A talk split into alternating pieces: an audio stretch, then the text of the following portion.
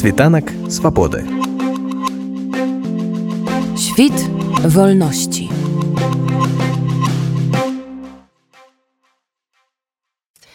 Очень интересная тема. И на самом деле, когда я начала готовиться к этому эфиру, я сама сообразила, что, выходит, и я не так понимала тему психологической безопасности. Потому что выглядит, что это что-то про какую-то комфортную среду, как, как вот пожарная безопасность. Это не умереть в пожаре, да, не, не испытать боль от огня. С психологической безопасностью все оказывается не так. Это не про неиспытание негативных чувств, это не про неиспытание каких-то негативных последствий. Это скорее про недопущение навязанного внешним окружением влияния на твою психологическую стабильность. И здесь имеется в виду, и, кстати, очень хорошо подчеркну это, именно внешнее окружение. Когда новостная повестка, окружение э, людей, когда э, семейные, культурные особенности создают вокруг тебя такие обстоятельства, которые очень сильно влияют на твое личное самочувствие, мироощущение, эмоции и, конечно же, конструирование последующих каких-то установок. Поэтому психологическая безопасность — это в первую очередь гигиена отношений с внешними новостями и внешним окружением по отношению к себе и своему внутреннему контролю. Когда человек может почувствовать, что что-то не так? Здесь нельзя сказать, что что-то не так. Потому что в этом лукавство, на самом деле, психологической науки, что для нас всегда в любых обстоятельствах есть какая-то внутренняя потребность. Мы любую ситуацию проживаем с какой-то необходимостью. Даже когда мы чувствуем, что что-то не так, нам это для чего-то нужно. Это сигнал чего-то. Поэтому сказать, что симптом — это что что-то не так, тоже нельзя. Это симптом чего-то последующего. Но пока я не успела запутать, отвечу на предыдущий вопрос. Не здорово, будем так говорить, неплохо, не хорошо, а не здорово. Когда человек начинает испытывать какие-то или пограничные, или дискомфортные обстоятельства, и из-за этого очень сильно теряет собственную спокойную, гармоничную наладку внутреннюю психологическую. Образно, когда читаешь новости, понимаешь, что не можешь после этого спать. А начинается война, не занимаешься сексом. Ребенка чужого, не знаю, в соседнем детском садике ударил другой мальчик, ты э, свой, на своего начинаешь кричать. Это общая и новостная, и э, субъективная повестка, которая со стороны влияет. Но ты после этого каким-то образом меняешь свое поведение. И, конечно, если это человеку не нравится, то вот это уже повод о том, чтобы задуматься об этом. Какие правила? Вот переходим конкретно к угу. правилам, к этой нашей пятерке психологической безопасности. Составила целый список, на самом деле, таких основных, э, не то чтобы даже правил, а что лежит как основные камни преткновения в основе психологической безопасности. И когда выделяла такой конспект, написала себе пять основных, из них выходит пять правил.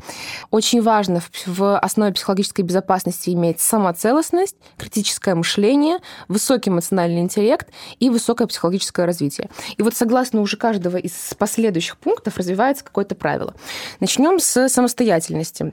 Первое. Если, опять же, вспомнить, что психологическая безопасность — это возможность права человека самостоятельно принимать решения, самостоятельно испытывать какое-то ощущение насчет происходящих вокруг фактов, то самостоятельность является, пытаюсь это сделать очень просто и понятно, но, в общем, самостоятельность — это про принятие ответственности за свое состояние, когда человек вместо того, чтобы в своем настроении винить кого-то из происходящих, начинает нести ответственность самостоятельно и говорит, я сам ответственен за свои эмоции. Не вот та новость, не вот э, тот разговор, не вот те отношения на меня повлияли, а я несу ответственность за свое состояние. И, как по мне, это такое первое правило сейчас здорового, психически здорового человека это в первую очередь понимать, что каждый за свои эмоции несет ответственность самостоятельно. Все, что происходит вовне, это вовне. И вот, вот тут как раз-таки правило самостоятельности перетекает в следующее правило. Это правило самоцелостности. Самостоятельность, когда ты самостоятелен, ты понимаешь, что ты принимаешь решения со своей ответственностью. Есть некоторая зона твоей ответственности, есть некоторая зона внешней ответственности, и вы не влияете на друг друга. А самоцелостность — это про то, когда ты очень хорошо и явно понимаешь, что ты такое. И тебе хорошо, даже когда ты один, даже когда ты в, возможно, небезопасности, ты понимаешь, что у тебя все, что необходимо тебе для внутреннего комфорта, для внутренней безопасности, для продолжения жизни, для продолжения мечтаний, оно все находится внутри тебя. Это то, с чем работает глобально любой терапевт, потому что состояние самоцелостности ну, это такая идеальная картинка, к которой хотелось бы, чтобы пришел любой человек, особенно занимающийся, практикующий какой-то психотерапией. Потому как самоцелостность — это как раз-таки это когда человек не ищет каких-то поводов извне для того, чтобы чувствовать себя хорошо. Примерно можно провести между тем, как э, звучит фраза когда есть одиночество и уединенность. Вот когда мы говорим одиночество, мы чаще всего имеем какой-то негативный контекст, потому что одиночество про потерянность, как будто тебя все бросили, ты остался один, тебе плохо. Но есть и уединенность. Физически это тоже такое же присутствие человека в одном месте, в закрытой комнате, там, либо в каком-то месте присутствие только одного человека. Эм, но уединенность может испытать только тот человек, который самоцелостен. Это как есть некоторая целостная картинка твоей личности, и тебе самому с собой также хорошо. Ты не нуждаешься в подпитке из внешних факторов, из внешних новостей, из э, общения с кем-то еще, из получения комплиментов кем-то, из оценки кем-то, понимания собственной картины тебе с собой настолько уверенно и настолько комфортно, что ты перестаешь давать такое большое внимание всему происходящему вокруг. И даже если там вокруг все срутся, мир плохой, и тебе кажется, что новостная повестка забита отрицательнейшими новостями, ты все равно знаешь, что тебе здесь как-то по-своему. Это про самоцелостность и то, что мы говорили, Данюшка, раньше, это про самостоятельность. Я не ответственность за то, что у меня есть самоцелостность, и это все. Оно таким пазликом складывается, он и дополняет друг друга. Третий момент, который является очень важным э, аспектом для психологической безопасности, это критическое мышление. И вот тут, на самом деле, не надо быть э, каким-то э, прошаренным специалистом в психологии и не психологии, но критическое мышление – это то, что необходимо любому здравомыслящему современному человеку, понимающему, как работает современное медиа, современный мир, общество и тому подобное. Если каждый э, из нас уйдет в лес, он и то должен будет в отсутствии социальных сетей и медиа иметь некоторое критическое мышление, потому что критическое мышление – это именно про осознанное, ответственное обрабатывание входящей информации. Э, мы информацию получаем с пяти органов чувств. Это не только глаза, уши, нос, это еще и, и запахи, и тактильное восприятие, и вкусы. Э, это означает, что, по сути, человек, обладающий всеми этими инструментами, он должен перерабатывать эту информацию как некоторый ЭВМ, либо исчислительная машина, и дальше выпускать информацию. И чем чаще, чем качественнее человек обрабатывает информацию, чем чище, тем, конечно же, чище результат. Когда мы получаем, особенно в настоящее время, зашквал новостей, самое главное, что нам сейчас в такие времена важно понимать, это то, что все эти новости, они, по сути, для того и работают. Они не для того, чтобы человек фильтровал или э, чувствовал себя комфортнее. Природа новостей современных, она больше в том, чтобы зацепить внимание. Она не для того, чтобы дать конкретную полезную информацию. Увы, с этим нужно смириться. И когда человек все-таки находится в поле, его очень важный аргумент, его очень важная задача постоянно ежедневно задавать себе вопрос: для чего здесь это так? Почему это так? А почему так, а не иначе? Это просто постоянное переспрашивание. Здесь есть обратная сторона медали у этой ситуации, критического мышления. Оно очень часто коррелирует с недоверием когда говоришь человеку, что, слушай, классно, развивай критическое мышление, а, это тебе поможет в том, чтобы воспринимать информацию, происходящую в мире здорово. А, люди иногда склонны больше включать недоверие. Но недоверие не равно критическое мышление. И я призываю здесь сейчас, вот слушая особенно этот выпуск, пожалуйста, не переставайте верить, но проверяйте или просто немножко более осознанно воспринимайте информацию. Давайте себе право немного обрабатывать информацию или поразмышлять над ней, порефлексировать, либо свести некоторые факты. На самом деле, э, критическое мышление вырабатывается достаточно долго, потому что это такая, это некоторое когнитивное свойство человека. Это не то, что ты взял вот с сегодняшнего дня включил, настройку снова, нового фильтра внутреннего восприятия информации. И сегодня ты воспринимаешь информацию уже иначе. Это то, что нужно тренировать. Советую почитать много есть э, книг по критическому мышлению, продуктивное, здоровое, но все-таки, опять же, призываю не скатываться в недоверие и не скатываться в такой строго научный подход, потому что есть еще другая сторона негативная, когда люди, э, адепты такого научного подхода и критического мышления, перестают верить э, в религию, в богов э, и тому подобное, и все, и, и замыкаются. И мир блекнет, мир блекнет. Четвертый момент, четвертый совет был по поводу высокого эмоционального интеллекта. Человек с высоким эмоциональным интеллектом однозначно менее склонен к потере безопасности психологической. Высокий эмоциональный интеллект стоит на трех столпах. Это понимание эмоций других людей, понимание эмоций себя и возможность управления своими эмоциями. Здесь очень важный аспект не управление чужими эмоциями, как понимание, но управление только своими. Управление не означает скрытие, не, не означает, что эмоцию нужно э, сжать, запереть, не прожить. Это означает понимание. Эм, эмоциональный интеллект э, тоже тренируется. Это по сути, так же, как мы с вами с детства занимаемся развивающими игрушками, развивающими занятиями, также можно тренировать эмоциональный интеллект. Это скорее про наученную возможность понимать, откуда и как происходят твои эмоции. А когда ты понимаешь свои эмоции, то ты более склонен их не э, сразу же проживать, а растолковывать и понимать, что они для тебя значат. Наши, наши эмоции — это сигнальный инструмент для общения с миром нашего тела. Э, природа веками, тысячелетиями закладывала какую-то сигнальную систему, которая вырабатывается и на физическом уровне, и на психическом уровне. И Эмоции — это всегда про какое-то защитное либо реактивное отражение того, как твое тело физическое реагирует на происходящие вещи.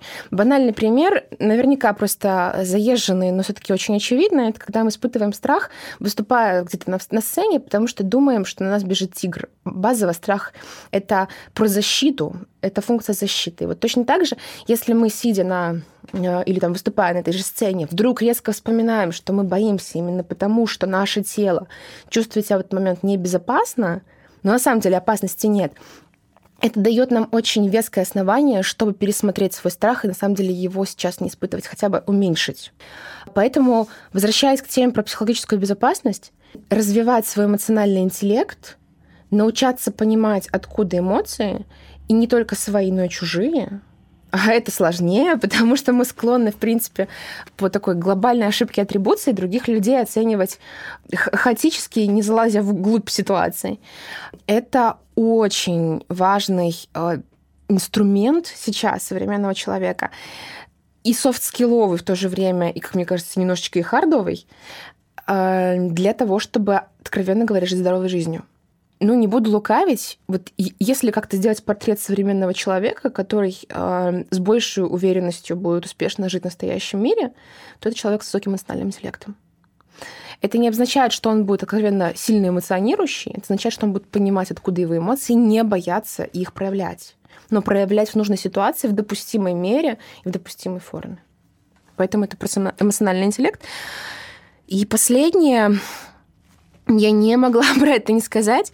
Мы уже сказали, что очень важно развивать самостоятельность, самоцелостность, критическое мышление, ну и, конечно же, э, эмоциональный интеллект. А последнее, пятое, это э, все настоятельно советую развивать свое психологическое развитие. И психологическое развитие — это как опыт понимания, почему ты работаешь именно так, а не иначе. А, все те, кто занимается каким-то образом wellness и well-being, они скажут, что человек это не просто тело, не просто связки, кости и мышцы. Это достаточно сложная структура. И чаще всего во всех науках, религиях и тому подобное все приходят к некоторому определению, что человек это трехсложное существо из физического тела, психического тела и некоторого энергетического либо духовного, и тут уже по-разному называется. Наше психологическое тело имеет ту же долю влияния на наше существование, как и физическое. Если мы сломали ногу, мы чувствуем себя плохо. Ну и наверняка там перестаем ходить куда-то и зарабатывать, возможно, на, на жизнь, а возможно, таким образом даже умираем. То же самое с психологическим состоянием. Если мы ментально сломим ногу, образно начнем чувствовать себя негативно, а, возможно, возникнет тревога, некоторое там тревожное переживание, это точно так же влияет на нас, но еще более того, очень сильно влияет и на физическое тело. Узнать это все и познакомиться с этим миром можно чаще всего без образования, а именно ходя на практику. Поэтому совет, который я могу здесь дать, это э, даже если вы чувствуете сегодня себя хорошо, даже тупо в терапевтических целях, приходите на психопрактику, найдите себе психолога, терапевта, общайтесь с ним.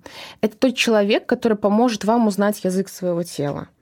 И это не тот, кто вылечит. Здесь очень важно отсекать эту грань, потому что очень многие люди думают, что ходить в терапию, обращаться в терапию нужно только, когда тебе плохо, и ты больной якобы. Здесь прям вот насильно повернуть все в кавычки, что если ты больной, вот тогда ты ходишь к терапевту. Ты скажешь, я занимаюсь там с терапевтом, с психологом, а что у тебя случилось? Спросят люди. Но нет, это как ежедневно чистить зубы или пить витаминки. Это про превентивную практику для того, чтобы научиться понимать свой мир. И пример можно привести такой. Мы можем понимать какую-то иметь некоторое знание астрономии, например, о том, что Земля крутится вокруг своей оси, что есть некоторый мир, он за Землей, и Земля крутится вокруг своей оси. Нам этого хватит. Но почему так происходит? От чего это зависит? А, а также что будет, если, например, Земля будет вертеться в другую сторону? Э, мы не понимаем. Так вот, в нашей конкретной ситуации людей, и надеюсь, тех, кто слушает этот эфир и заботится наверняка о своем психологическом здоровье, наша задача вот так же, как зная Землю и из астрономии, также понять себя, потому что мы есть свой мир. И от того, насколько мы понимаем, как мы работаем, как мы тикаем, почему мы работаем именно так в этих ситуациях, от этого зависит наше управление обстоятельствами. Обстоятельствами, самочувствием, долголетием, жизнеспособностью, энергией, жизненной витальной энергией и тому подобное. Тут прям такая красивая фраза была написана, я прям любовалась ей, когда записывала. Прям так сказано, что разница в том, что между астрономией и психологией, в том, что для себя этот мир — это вы. Если вы не знаете, как он работает, то управление состоянием этого мира крайне затруднено. Мы отдали управление своим миром в руки медицины, в руки религии, в руки социума, а вот в свои руки не взяли. Потому что про себя мы не знаем. Мы отдаем управление собой, информацию про себя всем вокруг, всему общественному строю, медицинскому строю, потому что к врачу мы идем смело, э, там в религию мы обращаемся смело, семью мы слушаем смело, живем правилам социума, а себя изучить забыли. Так вот, изучение себя — это не только знание, что у тебя есть две руки, две ноги, это еще и понимание внутренней конструкции. А это человек сможет сделать только если ходит на терапию. И поэтому такой вот общий закругляющей фразе всего этого скажу, что э, психологическая безопасность, конечно же, строится на большом количестве всевозможных факторов. Это, напоминаю, это сама э, самостоятельность, это когда человек несет ответственность за свои эмоции, за свои переживания и понимает, что есть некоторая зона его ответственности, на которую он может повлиять. Я сегодня не влияю на то, что дети в Африке голодают. И, соответственно, я сегодня влияю, но я в то же время влияю на то, что я переживаю за это. То, что мы проживаем эмоции, проживаем иногда боль, отчаяние и тому подобное, говорит только о том, что мы с вами здоровые люди. Так и должно быть. Э, скорее, невозможность, либо нежелание даже иногда, либо запирание своих эмоций, негативных в том числе, э, будет больше говорить о том, что человек, эм, ну, что-то не так. Скорее так. Не скажу слово нездоров, но что-то не так. Если вы чувствуете, что вам херово, блин, ребята, похлопайте себе, погладьте себя по голове, скажите, я такой человек, блин, я же человек, действительно, я могу испытывать это, это классно. Вот как из этого выйду, это уже другой разговор. Но то, что я это испытываю, блин, это хорошо, это делает меня сильнее. Однозначно всегда знаете, что любые ваши эмоции, особенно негативные, они выводят вас из зоны комфорта и они делают вас сильнее. И последняя у нас тема звучала о правилах психологической безопасности в турбулентном мире сегодняшнем. Как вам кажется, за последние 2, 3, 5 лет эта степень турбулентности увеличилась? Или нам все время кажется, что мы живем вот как-то так? Никогда так не было, вот только сейчас. Мне кажется, социологи не будут лукавить, если скажут, что человеку очень тяжело оценивать, как было всегда. Мы в любом случае моментами оцениваем, очень короткими срезами времени. чаще всего это срез времени, там, наверное, уровнем полугодия заканчивается. Э, новости происходили всегда. Так сложилось, что вот нас в восточноевропейском регионе сейчас активное, прям важное для нас конкретно происшествие. Но что это означает, что даже в нашем регионе раньше не происходило какие-то события, происходили, они просто не были для нас так важны.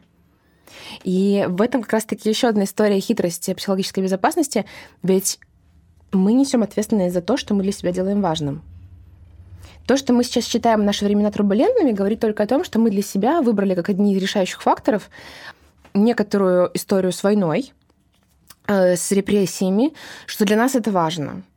Но согласитесь, мы ведь в какой-то параллельной вселенной вполне себе могли считать войну абсолютно чем-то естественным. А вот то, что сейчас в Беловежской пуще, возможно, умирает последний зубр, вот это глобальной мировой проблемой. Но почему-то мы для себя выбрали именно то, что мы сейчас проживаем как основное. А это как раз-таки про то, что вот эта вот самостоятельность э, и принятие ответственности, что в какой-то момент ты садишься и думаешь, блин, действительно, почему я переживаю не за малазийских там, не знаю, тигров, а именно за войну? Ну, значит, я приняла для себя важнее, что для меня это сейчас важно. Значит, я несу ответственность за эти переживания. Ну, окей, если я несу ответственность за эти переживания, значит, ну, тогда переживаю, ладно. Как-то легче переживается тогда просто, если ты понимаешь, что ты сам выбрал переживать именно за это. Спасибо вам большое. Пожалуйста. Світанок свободи. Świt wolności.